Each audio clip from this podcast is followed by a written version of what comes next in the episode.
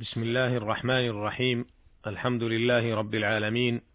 وأصلي وأسلم على أشرف الأنبياء والمرسلين نبينا محمد وعلى آله وأصحابه أجمعين والتابعين ومن تبعهم بإحسان إلى يوم الدين. أما بعد أيها المستمعون الكرام السلام عليكم ورحمة الله وبركاته. تحدثنا في الحلقة السابقة عما رواه البخاري رحمه الله عن أبي قلابة عبد الله بن زيد الجرمي البصري أنه قال جاءنا مالك بن الحويرث في مسجدنا هذا فقال إني لأصلي بكم وما أريد الصلاة أصلي كيف رأيت رسول الله صلى الله عليه وسلم يصلي. فقلت لأبي قلابة كيف كان يصلي؟ قال مثل صلاة شيخنا هذا. وكان يجلس إذا رفع رأسه من السجود قبل أن ينهض. أراد بشيخهم أبا يزيد عمرو بن سلمة الجرمي. وكذلك عما رواه الشيخان عن عبد الله بن مالك بن بحينة رضي الله عنه أن النبي صلى الله عليه وسلم كان إذا صلى فرج بين يديه حتى يبدو بياض إبطيه. وعرفنا ما في هذين الحديثين العظيمين من فوائد وأحكام تتعلق بصفة الصلاة. وفي هذه الحلقة نتحدث عما رواه الشيخان عن أبي سلمة عن أبي مسلمة سعيد بن زيد رضي الله عنه أنه قال سألت أنس بن مالك رضي الله عنه أكان النبي صلى الله عليه وسلم يصلي في نعليه؟ قال نعم. وكذا ما رواه الشيخان عن أبي قتادة الأنصاري رضي الله عنه أن رسول الله صلى الله عليه وسلم كان يصلي وهو حامل أمامة بنت زينب بنت رسول الله صلى الله عليه وسلم لأبي العاص ابن الربيع ابن عبد شمس فإذا سجد وضعها وإذا قام حملها. وكذا ما رواه الشيخان عن أنس بن مالك رضي الله عنه عن النبي صلى الله عليه وسلم قال اعتدلوا في السجود ولا يبسط أحدكم ذراعيه انبساط الكلب. هذه أحاديث عظيمة فيها فوائد جليلة وأحكام مهمة تتعلق بالصلاة. نعرض هذه الفوائد في الوقفات الآتية. الوقفة الأولى دل حديث أبي مسلمة سعيد بن زيد رضي الله عنه أن النبي صلى الله عليه وسلم كان يصلي في نعليه وهذا الفعل منه صلوات الله وسلامه عليه يدل على جواز الصلاة في النعلين وقد ورد في السنن ما يؤيد ذلك ومنه ما رواه أبو داود رحمه الله عن شداد بن أوس رضي الله عنه أن النبي صلى الله عليه وسلم قال خالف اليهود فإنهم لا يصلون في نعالهم ولا خفافهم. وروى أبو داود رحمه الله أيضا عن أبي سعيد الخدري رضي الله عنه أن النبي صلى الله عليه وسلم قال إذا جاء أحدكم المسجد فلينظر فإن رأى في نعليه قذرا أو أذى فليمسح وليصلي فيهما. فهذه النصوص وغيرها تدل دلالة واضحة على مشروعية الصلاة في النعال وذلك بعد تنظيفها والتأكد من سلامتها من الأنجاس والأقدار. ولكن مما يتساءل عنه كثير من المصلين والذي قد يشكل على بعض الناس ما يكون في مثل هذه الأوقات من أن المساجد مفروشة فرشا جيدا بحمد الله. والصلاة في النعال يعرضها للقدر والتلف والروائح الكريهة والانشغال المستمر بنظافتها وتغييرها إلى غير ذلك مما يترتب على الصلاة في النعال من سلبيات.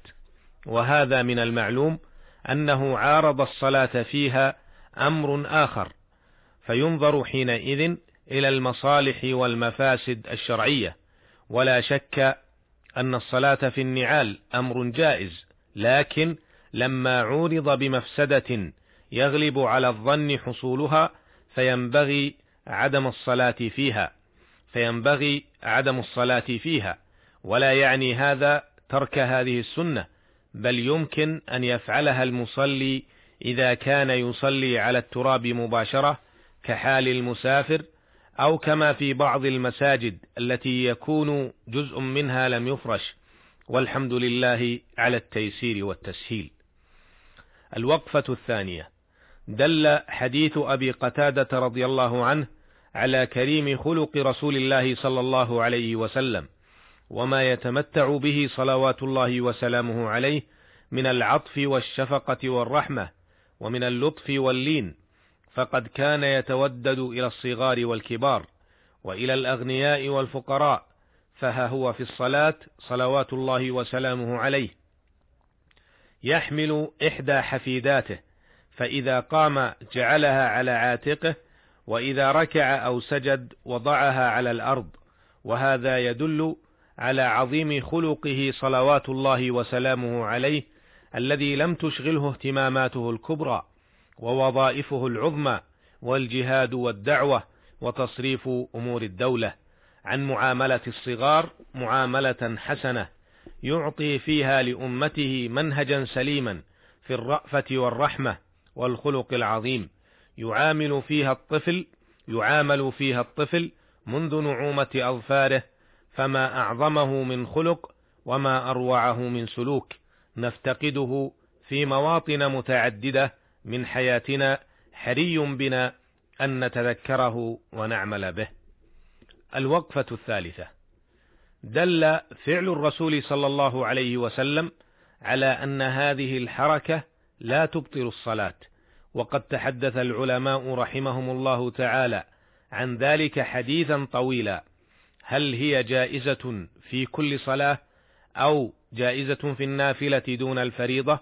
وخلاصة كلامهم ما ذكره الإمام النووي رحمه الله تعالى أن الصحيح الذي عليه المحققون أن مثل هذه الحركة جائز في كل صلاة من الإمام والمأموم والمنفرد وأن النبي صلى الله عليه وسلم فعل ذلك لبيان الجواز. والمقصود في مثل هذه الحركة الحركة اليسيرة ولعل من المفيد أن أنقل هنا ما ذكره بعض أهل العلم من تقسيم الحركة في الصلاة إلى أربعة أقسام. القسم الأول تحرم وتبطل الصلاة بها وهي الحركة الكثيرة المتوالية لغير ضرورة ولغير مصلحة الصلاة. القسم الثاني تكره الصلاة تكره في الصلاة ولا تبطلها وهي الحركة اليسيرة لغير حاجة كالعبث اليسير بالثياب أو البدن ونحو ذلك لأنه مناف للخشوع المطلوب ولا ثم حاجة تدعو إليه. القسم الثالث الحركة المباحة وهي الحركة اليسيرة للحاجة ولعل هذا القسم هو ما كان النبي صلى الله عليه وسلم يفعله من حمل هذه الطفلة وغيرها. القسم الرابع الحركة المشروعة وهي التي يتعلق بها مصلحة الصلاة كالتقدم للمكان الفاصل ولسد خلل الصفوف أو تكون الحركة لفعل محمود مأمور به كتقدم المصلين وتأخرهم في صلاة الخوف أو للضرورة كإنقاذ من هلكة كقتل حية أو عقرب ونحو ذلك. الوقفة الرابعة. دل حديث أنس رضي الله عنه على صفة السجود وقد بسط القول في ذلك في حلقات سابقة وملخصه أن يجعل المصلي كفيه على الأرض ويرفع ذراعيه ويجافيهما عن جنبيه.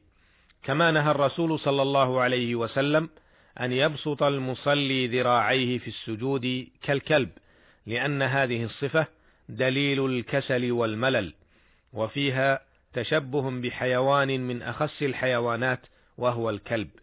ومن اللطيف ذكره أنه ورد الأمر من الشارع الحكيم بمخالفة الحيوانات في هيئات الصلاة فنهى عن التفات كالتفات الثعلب وافتراش كافتراش السبع وإقعاء كإقعاء الكلب.